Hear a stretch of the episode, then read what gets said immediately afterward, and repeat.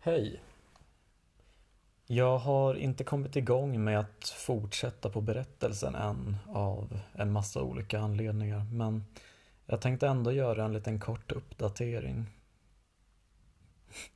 En sak jag har gått runt och tänkt på men, men aldrig hittat något bra sätt att foga in i berättelsen är en anekdot från när jag gick i mellanstadiet.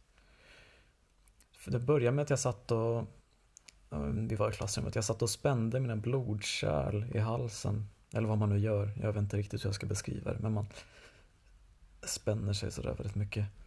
Eh, så att jag fick dålig cirkulation till huvudet och blev alldeles röd i ansiktet. Det fick bra reaktion från de jag satt med och gav mig uppmärksamhet. Efter ett tag började jag strypa mig själv också med händerna. Ännu mer rödare och jag fick ännu mer uppmärksamhet. Till slut uppmärksammade läraren det och berättade för mina föräldrar. Ja, det var då och nu är nu men det, jag, man kanske kan se det som en metafor för den här podden. Det kanske fyller samma funktion på något sätt. Mitt 2021 har verkligen inte varit bra. Det har inget överhuvudtaget att göra med covid. Jag tror inte mitt beteende har påverkat särskilt mycket av restriktionerna.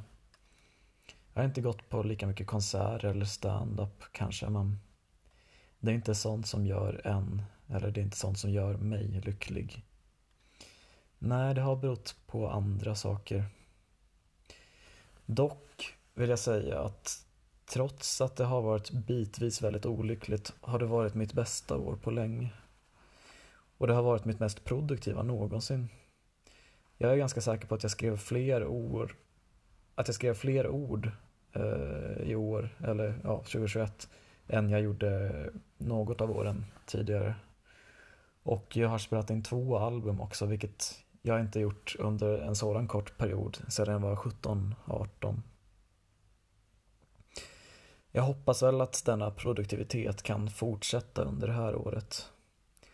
Och att jag kan på något sätt hitta mening utan att det ska vara villkorat på regelbundna häftiga svängningar av olycka och hopplöshet. Och till slut måste jag berätta om boken, den faktiska fysiska romanen Det här är bara en modern rocklåt. Den finns nu att förbeställa på underproduktion.se. Eh, jag kommer länka den i beskrivningen. Vill ni stötta podden, ge mig en nyårsgåva eller ja, vilken anledning som helst. Köp ett exemplar. Eller köp flera och ge bort till folk. Den är riktigt snygg, måste jag säga. Det är eh, en bekant Kristoffer Andergrim som har formgivit den.